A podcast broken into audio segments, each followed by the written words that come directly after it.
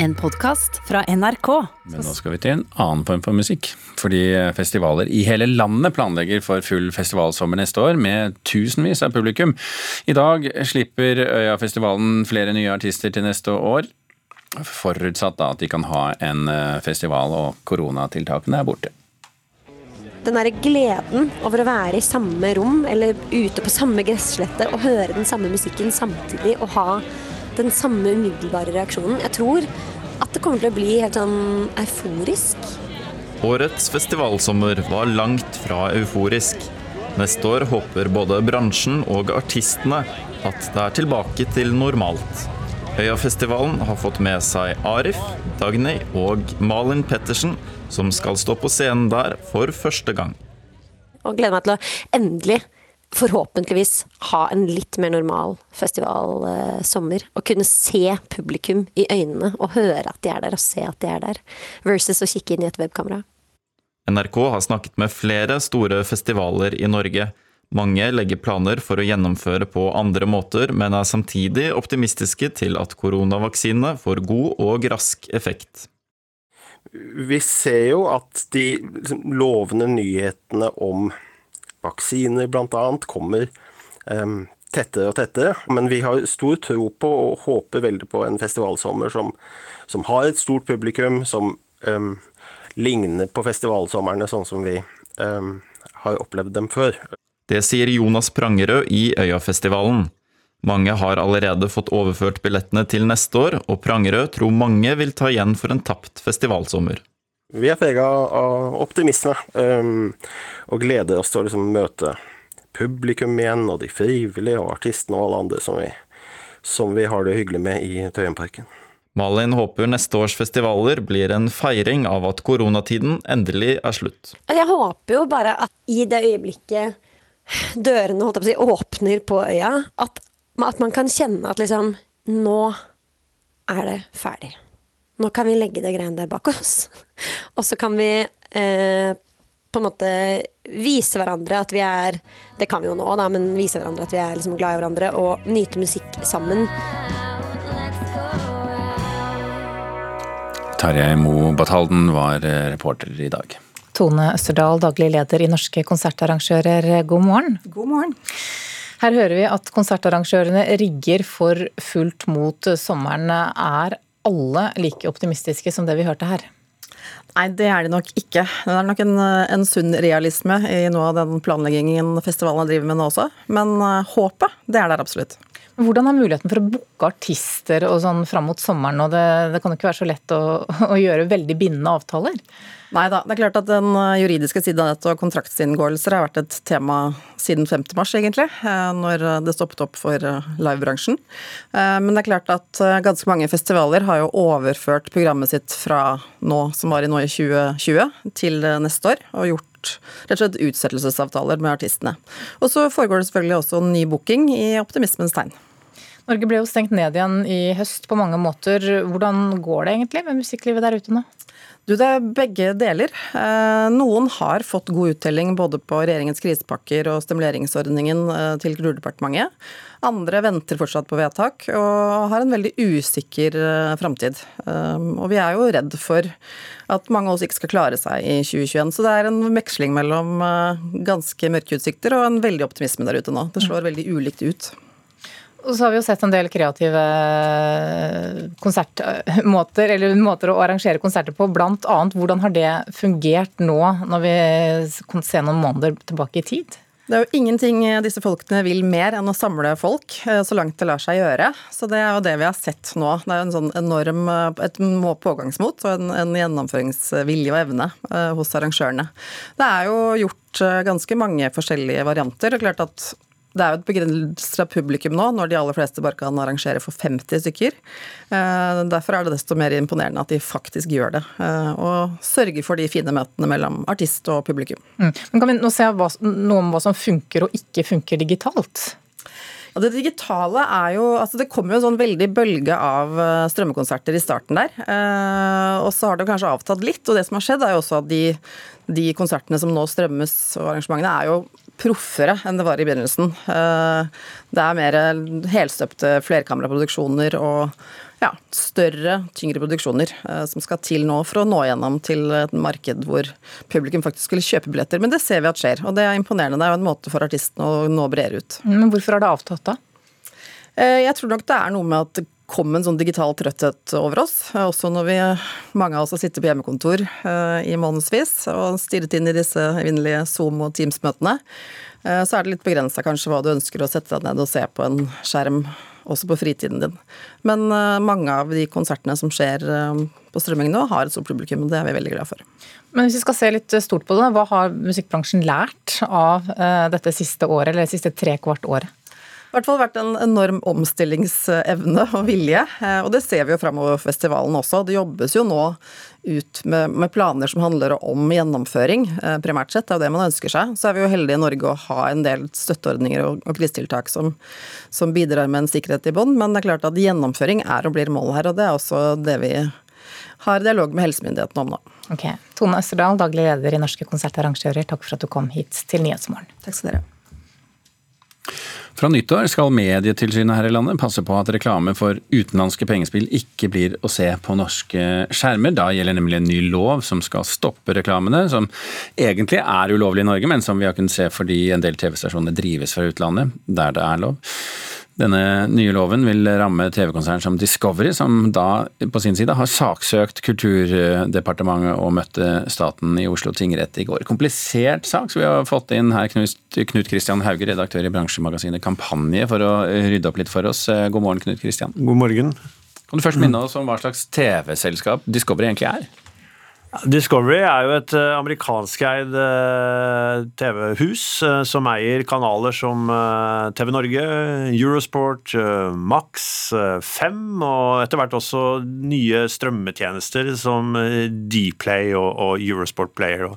Har jo kjente programmer som 71 grader nord på luften, men også viser jo i dag norsk fotball, blant annet, som noe av sporten. Og de sitter jo også med OL-rettigheter i Norge. Svært, svært selskap, med andre ord. Og dette forsøket på å stanse den utenlandske pengespillreklamen, hvor, hvor god løsning har egentlig politikerne gått for her? Ja, du kan si Dette har jo vært en uh, saga, nærmest, i norsk mediepolitikk. Det er jo vært forsøkt stanset denne reklamen i mange, mange mange år uten at man har lykkes. Man har prøvd alle mulige veier, både i utlandet og her hjemme, men har ikke funnet en løsning før man nå kom på at man kan be TV-distributørene om å sladde denne uh, bettingreklamen, eller pengespillreklamen, fra utenlandske aktører, altså de som ikke heter Norsk Tipping. Mm. Og det kan du si, det er jo et kreativt grep uh, som da man har hjemmel for å gjøre, i og med at disse TV-distributørene sender jo fra Norge, uh, og opererer jo fra Norge som selskaper. men så viser det seg at her er det store juridiske utfordringer. Det er et ukjent terreng, og jeg tror også det er ganske store tekniske utfordringer med å få til dette i praksis.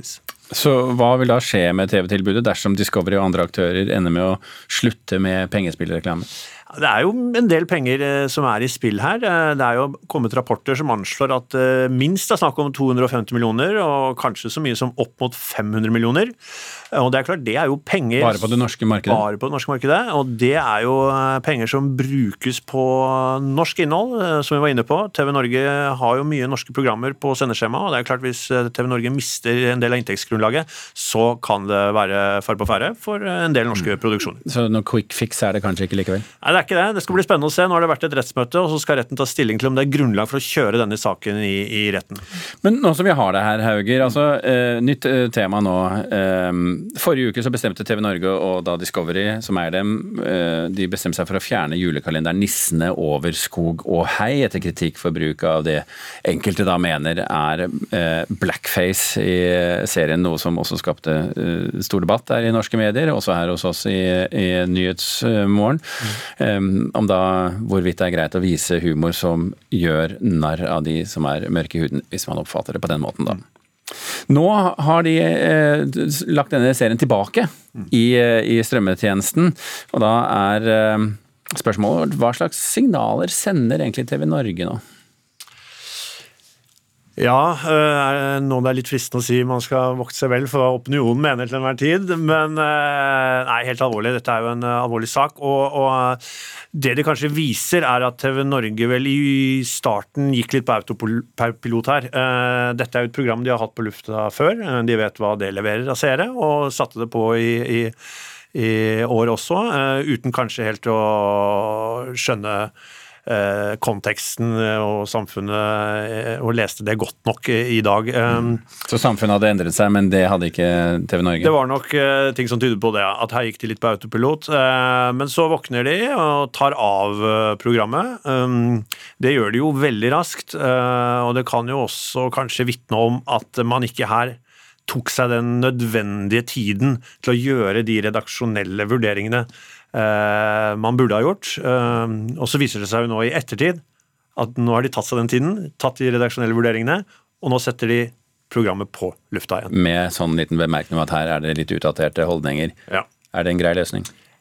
Jeg vet ikke. Jeg ser det er en praksis som endrer seg, eller som har eh, kommet, eh, spesielt i USA bl.a. annet. og om det er en god løsning, jeg vet ikke. Det kan jo se unektelig litt dumt ut kanskje når det går litt tid med disse plakatene, hvis de skal komme nå. Altså, ja. Historien får dømme oss, Knut Kristian Hauge. Takk for at du var med oss her i Nyhetsmorgen.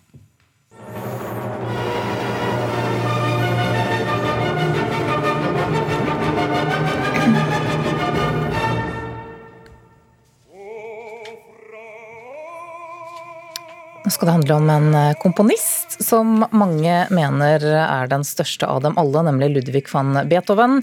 Han har hatt en unik status innenfor den klassiske musikken i bortimot to århundrer.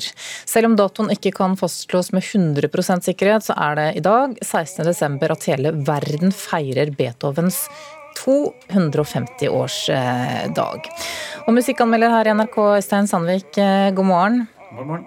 Det vi hører her, det er altså slutten av Beethovens eh, niende symfoni i et ganske spesielt opptak. Hva er det vi hører?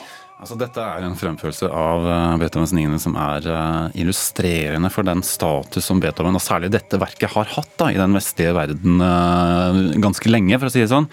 Dette er fra første juledag 1989, en fremførelse ved Berlin Schauspielhaus. og Her er det Leonard Bernstein som dirigerer et orkester som består av musikere fra alle de store nasjonene som deltok i andre verdenskrig. Dette er rett etter murens fall, altså hele Europa er i ekstase. og når vi da skal på en måte samles om grunnleggende verdier på tvers av nasjonale skillelinjer, så er det én komponist som duger, og ett verk som duger, og det er Beethoven og 9. symfonien. Og I en artikkel som nå ligger på nrk.no, nettsidene våre, skriver du at Beethoven har satt et enormt historisk avtrykk, og at dette skyldes at Beethoven i enestående grad har blitt oppfattet som en politisk eh, komponist. Hva mener du med det? Nei, altså Beethoven har hatt en tilstedeværelse i den vestlige kulturen som overgår noen annen komponist, og det handler om noe mer enn bare at musikken er fin eller banebrytende eller sånne ting. Ehm, vi har hørt Beethovens musikk som en politisk musikk. Beethovens stemme som en politisk stemme, i hvert fall siden midten av 1800-tallet. Og så er spørsmålet hva er det denne stemmen sier oss? Der strider man mer. Altså Alle politiske bevegelser, særlig da selvfølgelig i Tyskland, har på en måte tilegnet seg Beethoven. Alt fra sosialister til nazistene under andre verdenskrig eh, mente at, at Beethoven representerte det de selv sto for.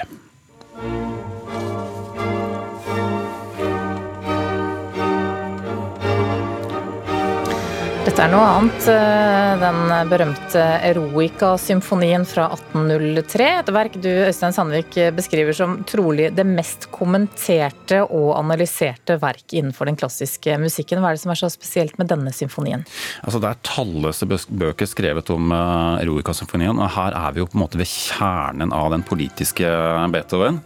Eh, anekdoten selvfølgelig, altså at Beethoven tilegnet først symfonien til Napoleon, og så rev han i stykker stykker tittelbladet. Da, da, kom han for øre at uh, Napoleon hadde kronet seg til keiser. Uh, en fantastisk historie, selvfølgelig. Og dette er utstillingsmiljøet for det som gjerne kalles for den heroiske stilen, som er liksom Beethovens musikalske varemerke. Dette er den politiske stemmen til Beethoven jeg hører her. Altså, det er en litt sånn streng og formanende stemme som krever av oss at vi skal leve opp til våre høyeste idealer og prinsipper. Sosialister hører jo da liksom prinsipper fra den franske revolusjon i denne musikken her, mens nazistene derimot tolka denne symfonien som et uttrykk for et slags kjempende folk som til slutt finner sin frelse i føreren. Så noen får enhver smak, med andre ord. Mm, men vet vi da hvordan Beethoven sto politisk selv? Vanskelig å si. Altså, han har jo uttalelser som går i litt ulike retninger. Um, Beethoven er 19 eh, år gammel, når eh, den, eller 18 år gammel faktisk, når den franske revolusjonen eh, bryter ut. Og ifølge hans, en av hans viktigste biografer, da, Maynard Solomon, så han mener at Beethoven sto for frihet og brorskap, men ikke likhet. Altså Det var helt greit for Beethoven at samfunnet var hierarkisk, så lenge han selv befant seg på toppen. Hvilken status har Beethoven nå, da, i 2020, etter 250 år? Det er jo et Beethoven-jubileum som i stor grad har på en måte blitt kansellert i smitteverntiltak. smittevernstiltak. Men eh, klart at Beethoven er fremdeles en enormt sterk gallionsfigur for hele den klassiske musikken, men også en skyteskivende. Så, så angrepene kommer. ikke sant? At, at Beethoven er på patriarkatets stemme, altså det er hvithetens stemme osv. Så videre, sånn at det er en omstridt figur, kanskje mer enn en noen gang. Ok, Så kan vi få høre, da? Kanskje et eksempel på den politiske Beethoven til slutt? Ja, altså Operaen Fidelio har jo på en måte alltid stående, alltid vært stående som selve måte emblemet for Beethovens kamp mot alle former for tyranni, og ikke minst da dette fangekoret fra Operaen Fidelio, som vi kan høre litt av her på slutten, hvor fangene kommer ut i fangegården og sier 'O frihet, vil du komme tilbake'?